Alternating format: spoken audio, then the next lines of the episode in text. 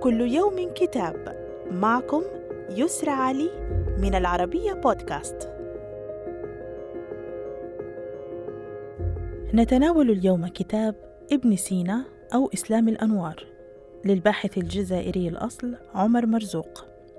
يقول فيه إن أكبر مشكلة واجهت ابن سينا في حياته وظلت تلاحقه حتى النهاية هي معارضة الفقهاء المتشددين له وتركيزهم الشديد عليه حتى أقضوا مضجعه.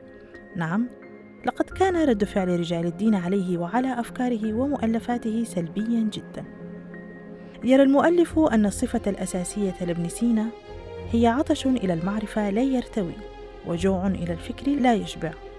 كان فضوله المعرفي يشمل كل شيء كالفيزياء وعلم الفلك والكيمياء والسياسة والطب وعلم النفس وعلم المنطق وعلم الرياضيات وبالطبع الفلسفة.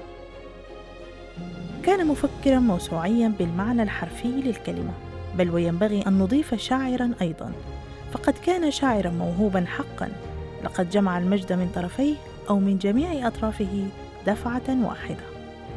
وإلى اللقاء مع كتاب جديد.